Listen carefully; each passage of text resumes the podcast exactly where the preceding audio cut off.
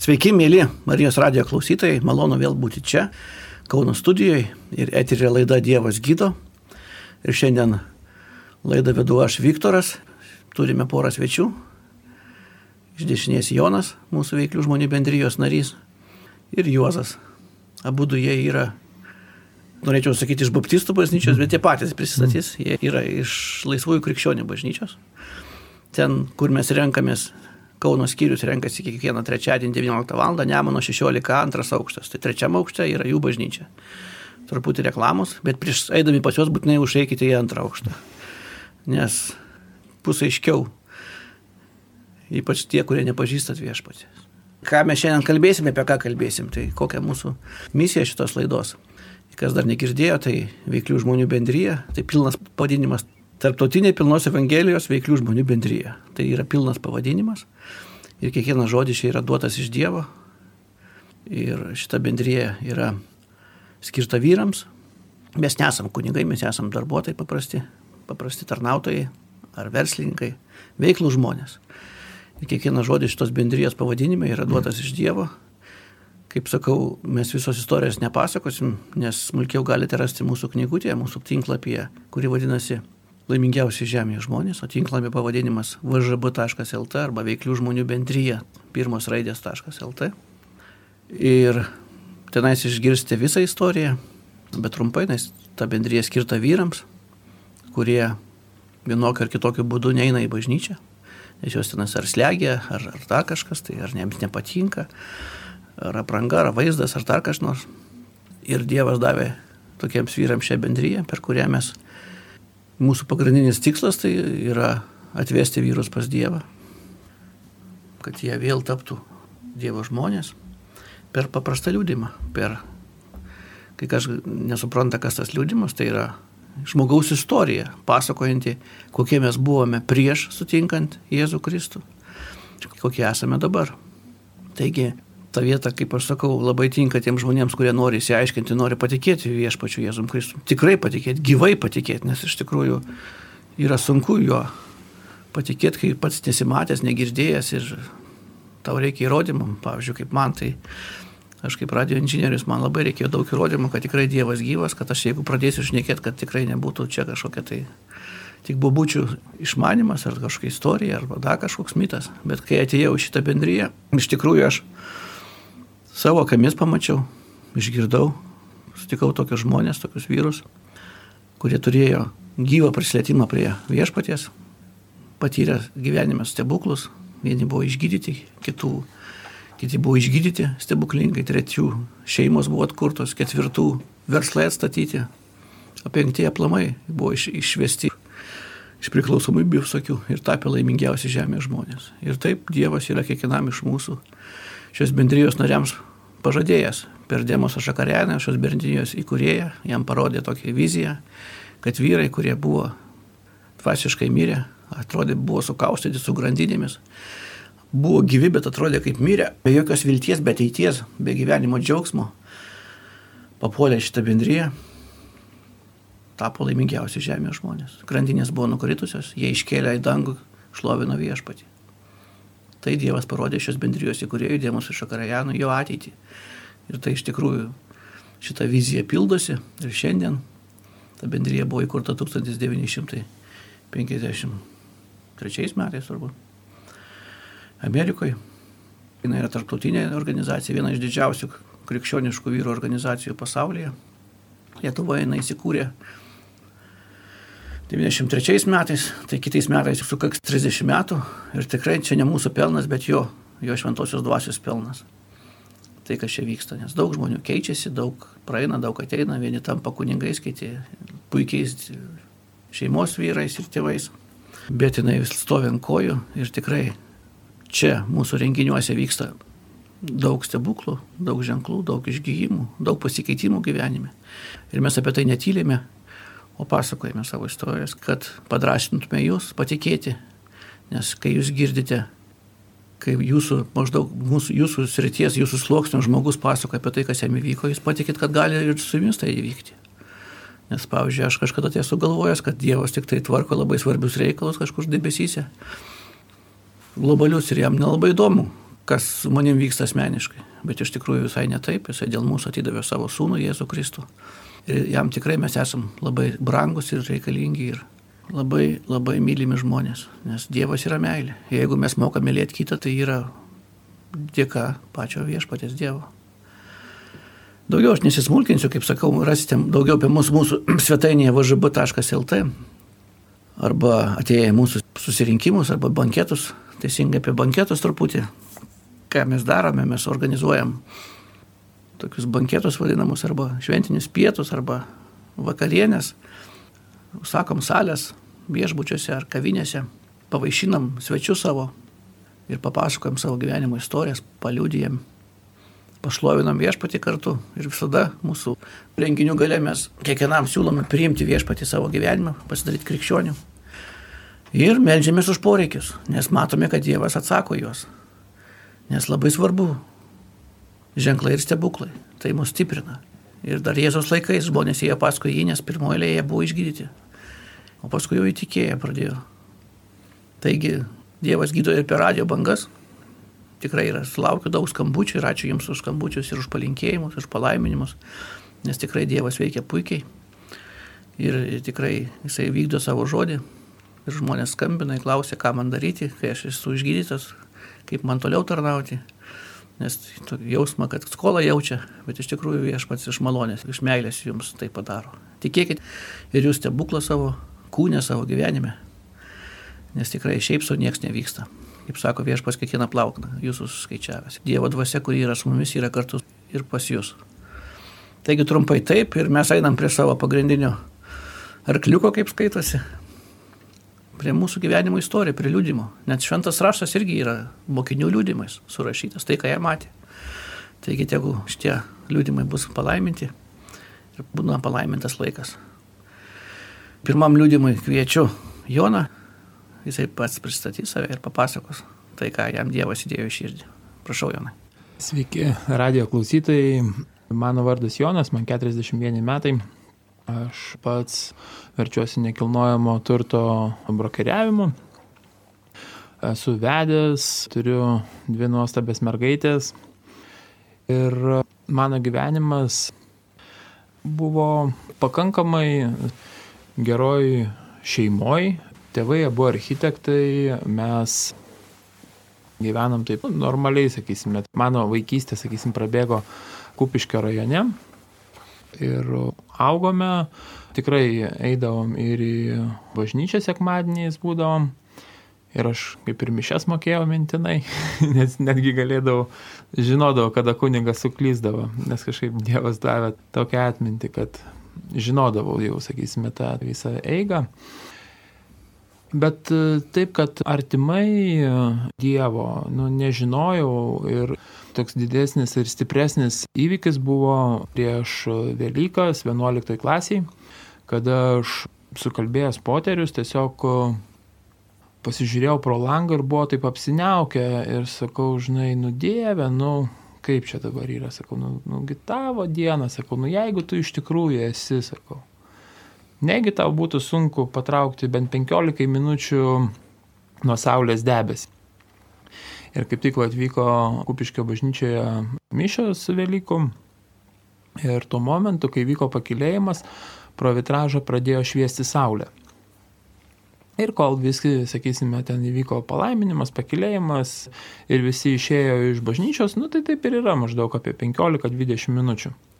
Ir man taip atsisėdant į mašiną, tai nebuvo taip, kad kaip fizinė ranka, bet man toks vaizdas kaip debesis, kai būtų rankos laikomas, jisai grįžta atgal į savo vietą ir toliau visą dieną likusią lyją. Tai man buvo toksai pirmas labai aiškus man asmeniškai liudijimas, kad Dievas man va taip atsakė, kad jis iš tikrųjų yra.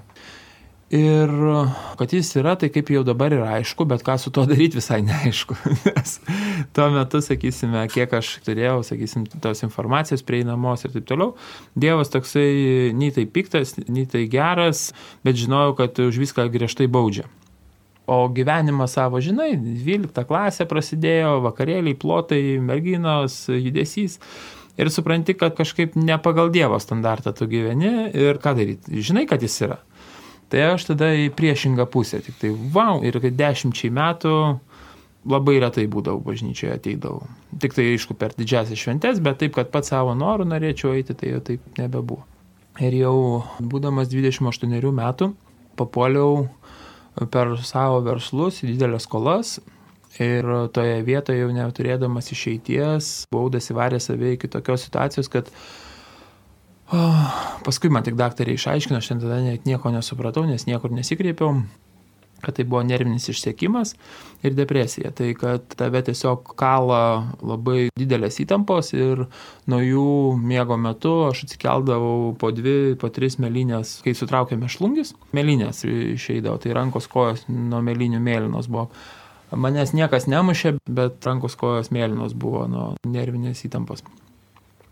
Ir o tokioj būsenoj aš ieškojau pagalbos, bet net ir tuo metu aš buvau labai išdidus nesikreipiau pas nieką jokios pagalbos, nes per savo tą karjerą save buvau įtikinęs, kad aš esu pats protingiausias, aš viską geriausiai žinau ir net ir tokioj kritiniai situacijai nesikreipiau jokių žmonės pasikalbėti išsiaiškinti.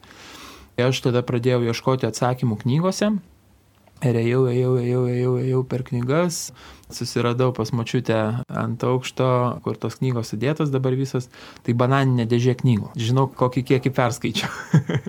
Skaičiaus nežinau ir nesakysiu, nes nenoriu suklysti, bet tai buvo nemažai. Ir dėjau iki švento rašto. Dėjau iki švento rašto ir kai aš pradėjau skaityti, man į vidų atėjo vienas žodis - tau atleista. Ir kai va šitas žodis man atėjo, aš iš karto supratau, kad visa tai yra tiesa, ką aš skaitau. Ir kai aš perskaičiau tada va, Evangelijas, apaštalų darbus, man atsimenu, širdis uždainavo mano viešpačių viešpats ir karalių karalius. Tada tai buvo 29 metai, aš dirbau tokioj kompanijoje automatikos, kur man teko važiuoti per visą Lietuvą, kalbėti su komunaliniais paslaugų tiekėjais, tai čia vandenis, energija ir būtų ūkiai taip pat savivaldybės administracija. Tai įmonės tokios, pas kurios jos pas tave nevažiuoja, tu pas juos važiuoji. Tai mano, sakysime, režimas būdavo taip, tarp pusantro tūkstančio kilometrų iki trijų tūkstančių į savaitę. Ir va tokio intensyvumu, nes žinau puikiai, nes išrašinėdavau sąskaitas už kilometrus. Čia būdavo labai aiškiai apskaita, kiek aš nuveikiu. Ir va toj va vietoje aš atsimenu kaip dabar, kad maždaug mėgi 6 valandas energijos perteklius, nes kai tu patiki Jėzumi, kad iš tikrųjų tau yra atleista, aš savo jau negalėjau atleisti tuo metu. Tai man tokie kaip sparnai išaugo, kad toks džiaugsmas per vidų tiesiog. Ir va toj va vietoj, mano brolis buvo įtikėjęs jau gerokai anksčiau. Jisai man patarė, sako, žinai, Jonai, sako, va yra tokių irgi va, įtikėjusių vyrų bendryje, kurie dalinasi paprasčiausiais liūdėjimais, žinai, sako, tau ten turėtų patikti. Ir kaip dabar atsimenu, jie rinkosi, nu, aš Vilniuje pas tada gyvenau, ir jie rinkosi kryžiaus namuose. Tai paskambino Romai Cicienui, brolis nuostabus. Jau iš jo reklamos agentą nedaryčiau. Tai jisai sako, nu, mes čia pusrusi. Sako, sakau, tai kas ten būna, sako, ateisi, pamatysi. Tai po tokios reklamos, žinai, bet vis tiek kažkaip tai brolio ta rekomendacija pakankamai stipri buvo, tai prasme aš Petrų pasitikėjau, tai sakau gerai nueisiu. Ir kai aš nuėjau, iš tikrųjų išgyvenau labai stiprų Dievo prisilietimą, toje vietoje taip pat bendryjoje pasikrikštėjau šventąją dvasę, pradėjau melsis kalbomis. Iš tikrųjų, man labai daug davė vyrų liudijimai, praktinis gyvenimas, žiūrint, kaip vyrai gyvena su Dievu ir tada daug lengviau yra sekti tokiu pavyzdžiu negu kažkokiu tai vienadieniu pamokslu ar kažkokiu tai pasisakymu iš kažkur toli nuo tavęs. Tai buvo tikrai didelė paspirtis man ir, kaip sakau, mano tokia dvasinė šeima veiklių žmonių bendryjoje. Ir be abejo, mane labai užkabino išgydymai, nes tai yra, tu patiri euforiją iš tikrųjų, kada Dievo dvasia prisiliečia, kada Dievo dvasia atstato kūną stebuklingų būdų arba palaipsniui. Ir sakysime, tokie vieni stipriausių man įvykių buvo, kada žmogus, mamos konkrečiai bendradarbis, mama paskambino, sako Jonai, o insultas žmogui. Ir melskime, nes išsiliejo ten ar 90, nu, vien žodžiu, virš 90, 98, sakė procentai, mes neįsigilinam, ar 95. Bet mintis buvo ta, kad ten jam jokių šansų nedavė, kad jis gyvens, daktarai. Ir aš tada atsimenu, kaip dabar, va, ofise sėdžiu ir melžiuosi viduj. Jokio darbo negaliu daryti ir tiesiog eina malda viduj. Niekas, nu, nemato, kad aš melžiuosi, bet aš viduj tiesiog, va, nu, malda eina ir viskas. Ir po tos intensyvios valandos aš žinojau, kad tam žmogui jau yra geriau. Ir mama paskambino po dviejų dienų, sako Jonai, jisai išėjo iš komos daktaram tai buvo šokas visiškas, kad jie iš vis nedavė jokių šansų, kad jisai išeis iš komos. Paskui po mėnesio laiko jis jau sėdėjo ir po penkių mėnesių jisai atpažino žmonės. Tai buvo toks didžiulis stebuklas ir dar jisai penkis metus dar pragyveno. Tai man toksai va, tos maldos liūdėjimas labai stiprus. Ir taip teko va, būtent, kada vyrai melžiasi ir kada tu tiesiog susiduri su to kasdieniniai praktikoje, kaip žmonės išgyja, mane labai užkabino pati šita tema, būtent Dievo išgydymai. Ir kaip jisai veikia, kodėl išgydo, Ir daug aš domėjausi, skaičiau ir mačiau, kad ir Biblijai parašyti šitie stebuklai, aprašyti ir ne šiaip savo, sako, tuos, kurie tikės, lydės šie ženklai. Ir pradėjau domėtis, vienas dalykas yra labai gerai ir būtina patikėti, kad Jėzus mus išgelbėjo. Tai čia yra pats svarbiausias ir pats nuostabiausias stebuklas, kokį žmogus gali patirti savo gyvenime, gauti amžinojo gyvenimo dovaną. Bet kita, kas svarbu jau fiziniam kūnui, tai yra priimti Dievo padovanotą išgydymą. Nes aš taip skaitau ir, ir aiškiai parašyta rašte, kad Jėzaus žaizdomis esame išgydyti. Tai va ta vieta mane labai stipriai užkabinusi ir toje vietoje aš tikrai mačiau, kaip tikėjimas veikia meilę. Ir kada man, sakysime, asmeniškai stipriausiai malda vat, eina tada, kai aš myliu tą žmogų, už kurį melžiuosi. Ir toje vietoje, kaip sako, mamų maldos labai yra stiprios. Taip, dėl to, kad tenai yra meilė. Ten veikia meilė. Ir Dievo dvasia, ir tikėjimas veikia meilė. Tai va aš šitą irgi patiriu. Kada man yra svarbu, ta malda labai stipriai veikia. Ir lygiai taip pat kitą kartą Dievas duoda išgyventi meilę, va tu meldiesi už visiškai tau nepažįstamą žmogų ir tu jauti, kaip Dievas tą žmogų myli. Ir tada ta malda irgi labai greitai pasiekia rezultatą duoda. Tai teko matyti, pavyzdžiui, irgi atsimenu tokį vieną linksmesnį įvykį, kada mes Laisvės alėjoje ėjome, irgi vienas vyko tarnavimas, būtent stebuklų ženklų išgydymų. Ir žiūriu, e, žmogus eina su rementu čia va prie miesto sodo. Ir aš prieėjau prie jo, sakau, ar galiu už tave pasimelsti. Jisai galvojo taip, nu kažkur, kažkur bažnyčiai, žinai, ar dar kažkaip, sako, nu gali, žinai. Sakau, kas atsitikė yra, nes matau, kad su rementu. Sako, raištis plyšė, žinai. Tai sakau, gerai, melžime, žinai. Aš uždėjau ranką ant kelio, sakiau, kad raištis, sakau, tu dabar būk išgydytas Jėzus e, vardu. Ir sakau, viskas, tikrink, žinai. Tu ką, viskas? Tokia malda? Taip, sakau, tokia malda, žinai. Ir jisai patikrina, pradeda vaikščioti, skausmo nebelieka ir pradeda bėgioti. Jisai tą rementą norėjo man atiduoti, sako, imk, va, tas rementas, žinai, man jo nebereikia, žinai. Ir, ir toje vietoje, paskui jis tik atsimena, oi, čiagi ne, ne mano rementas, čiagi ligoninė reikės atiduoti. Tai va toks smagus įvykis, va, kurį, sakau, tokia visą perpildančią Dievo emociją, ta prasme, patyriau, kada begalinė Dievo meilė buvo tuo metu, kai pamačiau, kaip žmogus iš karto per akimirką išgyjo. Tai va tą momentai tiek. Ačiū.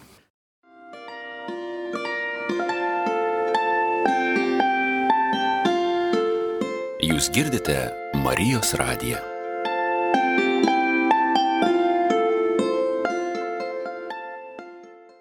Noriu priminti, kad jūs girdite laidą Dievas gydo ir laidoje veiklių žmonių bendrijos atstovai iš Kauno. Ir mes toliau liūdysime savo istorijas. Trumpai tik tai aš pristatysiu. Aš tik pradėjau kalbėti apie Lietuvos veiklių žmonių bendryje, bet pasakiau tos žodžius, kurios Dievas jai davė, tarptautinė pilnos Evangelijos veiklių žmonių bendryje. Aš dabar noriu jos pasakyti, kodėl kiekvienas žodis reikalingas. Tarptautinė, tai mes esame tarptautinė organizacija, kaip sakiau, jinai randasi daugiau negu 120 pasaulio šalių. Viena iš didžiausių krikščioniškų organizacijų. Veiklių žmonių, tai reiškia veiklų žmonės, tai turintis darbą. Savo rankomis uždirbantis duoną. Nėra pas mus kunigų, nėra pastorių. Iš tikrųjų, yra buvę kunigų, bet jie neužimdavo aukštų pareigų. Buvo paprastais nariais. Bet prisilietų šventąją dvasę, jie tampa nepaprastai žmonėmis. Kaip pagirdėjot Jono. Pusdėjo ranką, trumpai pasimelti ir Dievo dvasia viską atliko už jį. Nes jūs tapsite šaltiniais gyvybės vandens, kai Dievas prie jūsų prisilies. Pilnos Evangelijos, tai reiškia tai, kad viskas, kas parašyta šventam rašte, galioja ir pas mus. Tam, kad kiekvienas galėtų papasakoti savo istoriją taip, kaip yra, o ne kažkaip iškraipydamas arba kažką nutilėdamas. Kad kažko nebijotų tarptautinė pilnos Evangelijos, veiklių žmonių bendryje. Ir mes esame bendryje, tai reiškia, nėra jokių ten kažkokių nustatymų, jokių taisyklių, mes laisvai jaučiamės. Savo susirinkimuose pasakojame istoriją savo, net už kitą melžiame, laiminam. Ir aišku, lankome savo bažnyčias. Vienas iš mūsų reikalavimų yra bendrijos, kad kiekvienas susirastų savo bažnyčią ir būtų aktyvus savo bažnyčios narys. Trumpai tiek. Ir sekančiam liūdimui pakviesiu Juozą. Prašau, Juozai. Sveiki, mano vardas Juozas, esu atgimęs, atsivertęs į Dievą jau beveik 30 metų. Žemiškasis amžius iš tikrųjų tai man nelabai reiškia kažką tai, nes praktiškai nebeprisimenu savo to ankstesnio gyvenimo prieš atsivertimą į Dievą, bet tiek, kiek prisiminsiu, pamėginsiu pasidalinti. Mano šeima, kuri buvo, tai buvo paprasta tokia tarybinė šeima, nepasiturinti šeima. Mano mama sutiko mano tėvą ir tėvas atvažiavo iš Šilalės rajono, baigęs mokyklą aukso medaliu, atvažiavo mokytis į Kauną ir susipažino su mano mama, jie apsivedė ir vat, mes du sūnus gimėme. Bet po to kažkas tai atsitiko tėvo gyvenime, kad jis pradėjo gerti ir kažkaip ta šeima greitai iširo. Aš atsimenu, man buvo gal trys metai, kai prisimenu pirmą kartą savo tėvą, nu atsimenu taip, kaip pamačiau, jisai atėjo pas mano mamą taikytis, atsinešė gėlių, atsinešė mums vaikams saldainių ir jie užsidarę virtuvėje kažką kalbėjosi. Po to tik tai supratau, kad motina nesutiko taikytis ir, žodžiu, vat, kai man buvo trys metai, jie išsiskyrė. Aš tuo metu lankiau tokį savaitinį darželį, jeigu dar prisimenate, tokie būdavo anksčiau sovietiniais laikais, kur vaiką atvesdavo pirmadienį ir pasimdavo penktadienį ir šeštadienį, gal penktadienį, man atrodo, vakare pasimdavo. Tai va tokį va darželį lankiau, praktiškai namuose manęs nebuvo. Ir po to tik tai paaiškėjo, kad mano motina po kažkiek metų išteka antrą kartą ir į mano gyvenimą ateina patėvis. Tam, kad aš nesimaišyčiau ir tuo metu mes nelabai turėjome kur gyventi, atsimenu, gyvenome panemunėje, pas mačiutę būte, tai vienam kambarį mūsų buvo aštuoni. Kambariukas toks mažiukas, tai žodžiu, aštuoniesi, tai galbūt dėl to mane tiesiog į pirmą klasę atidavė į internatą, tam, kad nesimaišyčiau ten po kojomis, žodžiu, ir pirmą klasę pradėjau įti internatą. Internatas tai yra tokia mokymo įstaiga, kur atiduoda vaikus, kurie ar neturi tėvų, ar kažkokie jie yra problematiški, žodžiu. Tai vat, būtent tokie vat, visi vaikai suvažiuoja į internatą. Ir aš tenai pradėjau savo pirmąją klasę, nesuprasdamas, kas tai per daiktas, aišku, ir pasirinkimo nelabai turėjau. Tik tai tiek, kad kiek aš save prisimenu pirmoji klasėje, tai ten teko kovoti už savo būvį. Internatas yra tokia vieta, kur arba tave lupa, arba tu kažką lupi. Ir nežinau kaip, nežinau kodėl, bet aš buvau vienas iš stipriausių savo klasėje ir nežinau, toks geras vaikas, aš bent galvojau apie tai, kad aš buvau tikrai geras vaikas ir aš pradėjau lūpti kitus. Ir ta neapykanta tokia atėjo, nežinau, ar internate, ar dėl to, kad mano tėvai išsiskyrė, ar dėl kažko tai, bet tas toksai juodas debesis, kuris gaubė mane, ta tokia neapykanta žmonėms, jinai vis augo ir didėjo. Aš atsimenu, internate muždavausi su bet kuo, su nesvarbu net kiek metų, nesvarbu kas tenai būdavo. Tiesiog buvo toks kovos poligonas, kur tu išeidavai kaltis, išeidavai kovoti už savo gyvenimą. Ir blogiausia, kad tas man patiko. Man patiko būti pirmam, man patiko kovoti. Ir pirmą klasę aš baigiau ten atsimenu, mano tėvai gavo būtą Eiguliuose Kaune ir atsimenu, kaip tėvai atvažiavo mane pasiimti iš internato, kad jau, nu, pirmą klasę baigiau, dabar jau mane ves į normalią mokyklą. Tai auklėtoja mano nenorėjo manęs išleisti, nes aš labai gerai mokiausi. Tai kažkaip prašė tėvų, kad paliktų mane internatę. Eiguliuose mes gavom būtą, į tą būtą atsikraustėm ir e, antrą klasę aš nuėjau į naują mokyklą, buvo kaip tik pastatytas tas Eigulių ketvirtas rajonas ir 46 vidurinė mokykla. Tuo metu atėjo 2300 vaikų į tą mokyklą, kai mokykla galėjo priimti tik tai 800 buvo labai daug vaikų ir mus tenai perskiria į rytinę pamainą ir popietinę pamainą ir klasės buvo iki FGH ir po 30-35 vaikus. Ir aš tenai pradėjau mokytis antrokas ir žinot, ta tokia neapykanta, kuri buvo manyje, kuri dar judėjo manyje, tai jinai išliko. Ir aš atsimenu, kai atėjau į klasę, nežinau, kas man buvo atsitikę, bet vien tik tai užtekdavo, kad mano klasiokai pažiūrėtų man į akis ir aš iš karto duodavau į nosį. Ir aš iš karto susirdau daug priešų, žodžiu, ir pradėjau kaltis tenai ir pradėjau muštis.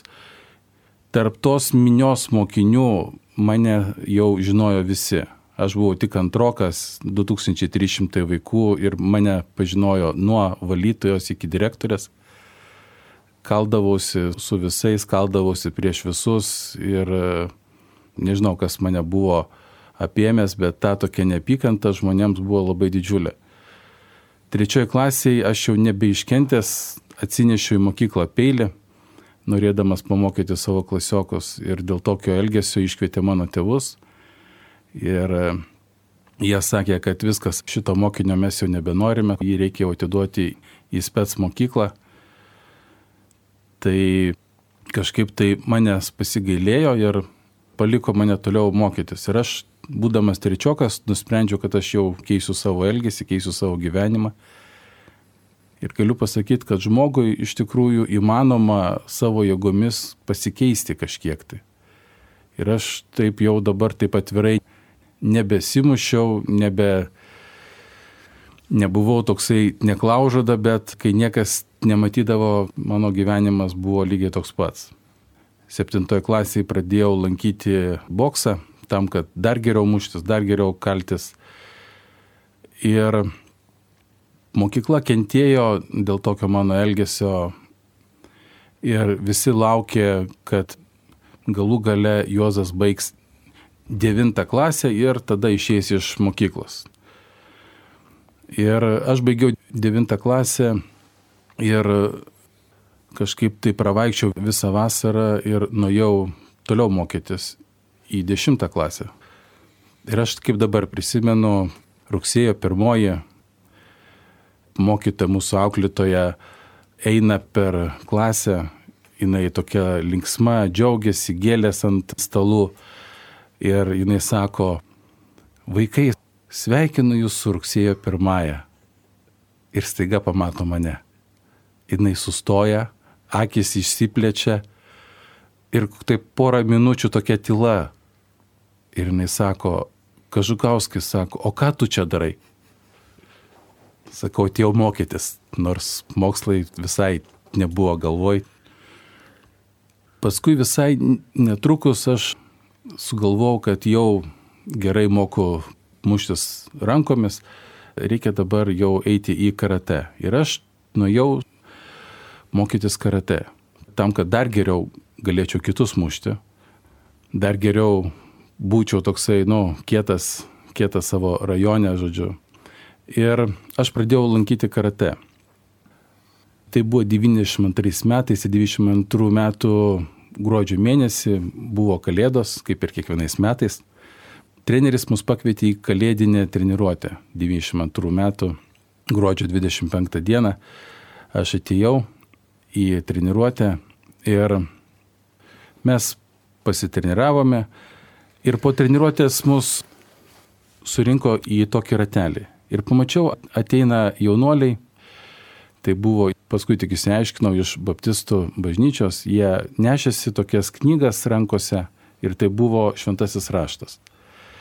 Ir jie mums pradėjo pasakoti apie Dievą. Iš tikrųjų, aš nebuvau tikintis, aš Dievo neieškojau, man Dievo nereikėjo. Aš tyčiausi iš žmonių, kurie skaitė save tikinčiais, aš sakiau taip, kaip mus mokino mokykloje, kad religija tai yra opimas liaudžiai, kad tam, kad jie nekeltų maištų, bet jiems reikia kažkokio dievo. Ir aš netikėjau dievu. Aš atsimenu, kaip važiavau į kaimą, mačiutė mane stengiasi privesti prie pirmos komunijos, bet taip ir nesugebėjo mane privesti, nes aš netikėjau dievu. Jis pasakojo apie Jėzų, kuris buvo Dievo sūnus, pasakojo, kad jisai mirė ant kryžiaus. Aš galvoju, tikriausiai kažką buvo blogo padaręs, kad jį prikalė ant kryžiaus. Paskui jinai rodė paveiksliukus, kaip jisai kėlėsi iš mirusių, kaip angelai rytino akmenį ir sako, Jėzus prisikėlė iš mirusių ir aš galvojau, kaip gali žmogus prisikelti iš mirusių. Sakau, kas matė prisikėlusi žmogų? Niekas nematė. Ir aš netikėjau Dievu, man Dievo nereikėjo aš jo neieškojau. Bet 92 metais per tą kalėdinę treniruotę, kai pradėjo pasakoti mums apie Dievą, mano širdis atsivėrė. Jie pasakojo, kad mes visi esame nusidėliai, kad aš esu nusidėlis, aš puikiai žinojau. Jie pasakojo, kad žmogus negali savo nuodėmio atleisti jokiais savo gerais darbais ar savo polgiais, bet Dievas siuntė tam savo sūnų Jėzų Kristų, kad jisai mirtų dėl mūsų nuodėmio, kad jisai atleistų mums mūsų nuodėmės. Ir kai aš tai suvokiau, aš suvokiau, kad vis tik šitam blogam pasaulyje, kuris manęs nekenti ir kurio aš nekenčiau, vis tik kažkas mane mylėjo ir tai buvo Dievas. Ir tada aš kalbėjau tokią paprastą atgailos maldą. Kviečiau, kad Dievas ateitų į mano gyvenimą ir mane pakeistų. Ir tą dieną aš grįžau namo tikintis ir Dievas pakeitė pilnai mano gyvenimą. Ir tą atgalos maldą mes galėsime vėliau šiandieną sukalbėti. Viktoras yra pasiruošęs mus vesti šitoje maldoje, taigi pasikvieskime jį, Jėzų į savo širdį ir jisai ateis. Ačiū Juozui už puikų liūdimą. Taigi dar kartą priminsiu, kad eterija laida Dievas gydo. Ir čia kalbėjo Josas, yra veiklių žmonių bendrijos Kauno skyriaus narys. Ir kaip jis sakė, mes prieisim prie jo, prie pagrindinio, tai yra prie atgailos maldos, per kurią viešpas apsigyvenama, misija ir pakeičia mus. Dėl to mes šiandien čia ir sėdėm. Tikrai mes turim ką veikti, turim daug užduočių, daug, turim daug darbų, bet Dievas mums įrodė, kad jis yra realus, dėl to mes jam tarnaujam. Dėl to, kad jisai mums kaip nors ranką užlaužęs daro, bet dėl to, kad mes norim atsilyginti už tai, ką jisai mums padaręs. Ir mes norime, kad ir jūs būtumėt tokie patys ir dar geresni. Tai būtų gyventi mums geriau šitame pasaulyje, būsim geresni tėvai namuose ir būsime geresni darbuotojai savo darbuose. Taigi, iš tikrųjų ne mes norim, bet viešpats, kuris gyvena mumise, nori matyti jūs savo vaikais, nori jums padėti, nori jūs vesti, nori jūs padaryti laimingiausi žemės žmonėmis. Ir aš kartais irgi prisimenu, kad ačiū Dievui šitą bendryją. Siūlo jums vyrams apsilankyti joje, jeigu jo ieškote, jeigu arba netikite, arba tikrai viešpas keičia čia gyvenimus ir keičia į gerą pusę ir daro tikrai laimingus žmonės. Sakoma, išbandykite ir patys sužinosite. Taigi, tai einam prie paskutinio taško ir aš paskaitysiu šventojo rašto eilutės, per kurias aš kaip skaitau, žmogaus krikščionio gyvenime eina, atsitinka pilnas, pirmas stebuklas. Kai viešpats apsigyveno mumyse savo šventąją dvasę, kažkada palikęs Adomą, šiandien jis vėl nori grįžti pas jūs ir tapti jūsų dalimi. Ir romiečiams 10 skyriui, 9 eilutė parašyta. Jeigu lūpomis išpažinsi viešpatį Jėzų ir širdimi tikėsi, kad Dievas jį prikėlė iš numirusių, būsi išgelbėtas. Nes širdimi tikima ir taip įgyjamas teisumas, o lūpomis išpažįstama ir taip įgyjamas išgelbėjimas. Raštas juk sako, kiekvienas, kuris jį tiki, nebus sugėdintas. Nėra skirtumo tarp žydo ir graiko, nes tas pats viešpas visiems, turtingas kiekvienam, kuris jo šaukėsi. Juk kiekvienas, kuris šaukėsi viešpatės vardo, bus išgelbėtas. Kai kas pasakys, manęs gelbėti nuo nieko nereikia. Iš tikrųjų, kiekviena mūsų nuodėmė tai yra mirtis. Ir tik mirtimi galime nuplauti. Bet mes nebūsim prikelti. Taigi Jėzus Kristus numirė už mus, kad mums nereiktų mirti, mes turėsime amžiną gyvenimą. Aišku, mūsų kūnai bus supuvę, bet mes danguje gausim naujus kūnus ir būsime amžinai gyvi. Tai vienas iš didžiausių pažadų mūsų viešpatės Jėzus. Ir kaip čia pasakyta, jeigu lūpomis išpažinsi, tai aiškiai garsiai reikia tai išpažinti. Taigi mes kalbėsim tą atgalos maldą vadinamą, kurioje surinkti geriausi kaip sakoma, pirmieji geriausi žodžiai, vedantis išgelbimą iš šventojo rašto. Ir dauguma patiria kažkokius pasikeitimus po šios maldos, jeigu tai bus tikrai, tikrai gili malda ir tikra malda jūsų. Jūsų kreipimas į viešpatį Jėzų.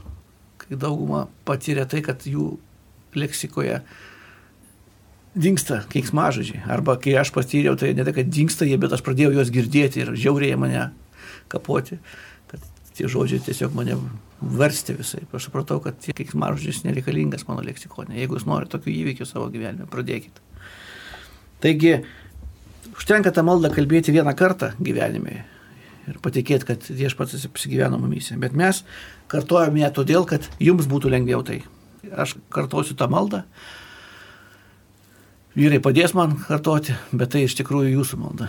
Jūs kreipkite į Jėzų, nes parašyta, kur du ar trys jisai šalia, tikrai šventoji dvasia yra šalia jūsų ir laukia, kada jūs jam atiduosite savo gyvenimą. Ir išbandykite, jeigu jūs netikit. Kaip tu gali patikėti, jeigu nesi išbandęs? Ne vienoje vietoje jisai prašo, išbandykite iki mane, savo finansais, savo gyvenimu. O paskui sakykite, kad jo nėra. Mes išbandėme ir tikrai nenusivylėme. Taigi, Jeigu jūs esate ne vienas, nulenkite savo galvas, užmerkite akis, netrukdykite viens kitam, tai asmeninis pasirinkimas. Viešpatie Jėzau Kristų. Viešpatie Jėzau Kristų. Aš ateinu pas tave. Aš ateinu pas tave. Būdamas toks, koks esu. Būdamas toks, koks esu. Pripažįstu, kad esu nusidėjėlis. Pripažįstu, kad esu nusidėjėlis. Ir stokoju tavo šlovės ir garbės. Ir stokoju tavo šlovės ir garbės. Aš tikiu viešpatė. Aš tikiu viešpatė. Kad prieš 2000 metų. Kad prieš 2000 metų. Tu mirėjai ant kryžiaus. Tu mirėjai ant kryžiaus. Pralėdama savo brangų šventą kraują. Pralėdama savo brangų šventą kraują. Asmeniškai už mane. Asmeniškai už mane. Dėl mano padarytų kalčių ir nuodėmių. Dėl mano padarytų kalčių ir nuodėmių. Tikiu, kad trečią dieną prisikėliai. Tikiu, kad trečią dieną prisikėlė Iš numirusių. iš numirusių. Ir esi gyvas šiandien. Ir esi gyvas šiandien. Ir savaja dvasia esi šalia manęs. Ir savąją dvasia esi šalia manęs. Atleisk man Atleisk man už visas mano padarytas nuodėmės ir kaltes. už visas mano padarytas nuodėmės ir kaltes. Savo šventų krauju nuplauk mane. Savo šventų krauju nuplauk mane. Nuo viso, kas mane buvo suteršę ir surišę. Nuo viso, kas mane buvo suteršę ir surišę. Savąją dvasę įeik į mano širdį Savąją dvasę įeik į mano širdį ir į mano gyvenimą. ir į mano gyvenimą. Padaryk mane Dievo vaiku Padaryk mane Dievo vaiku ir dovanok man amžinai gyvenimą. ir dovanok man amžinai gyvenimą.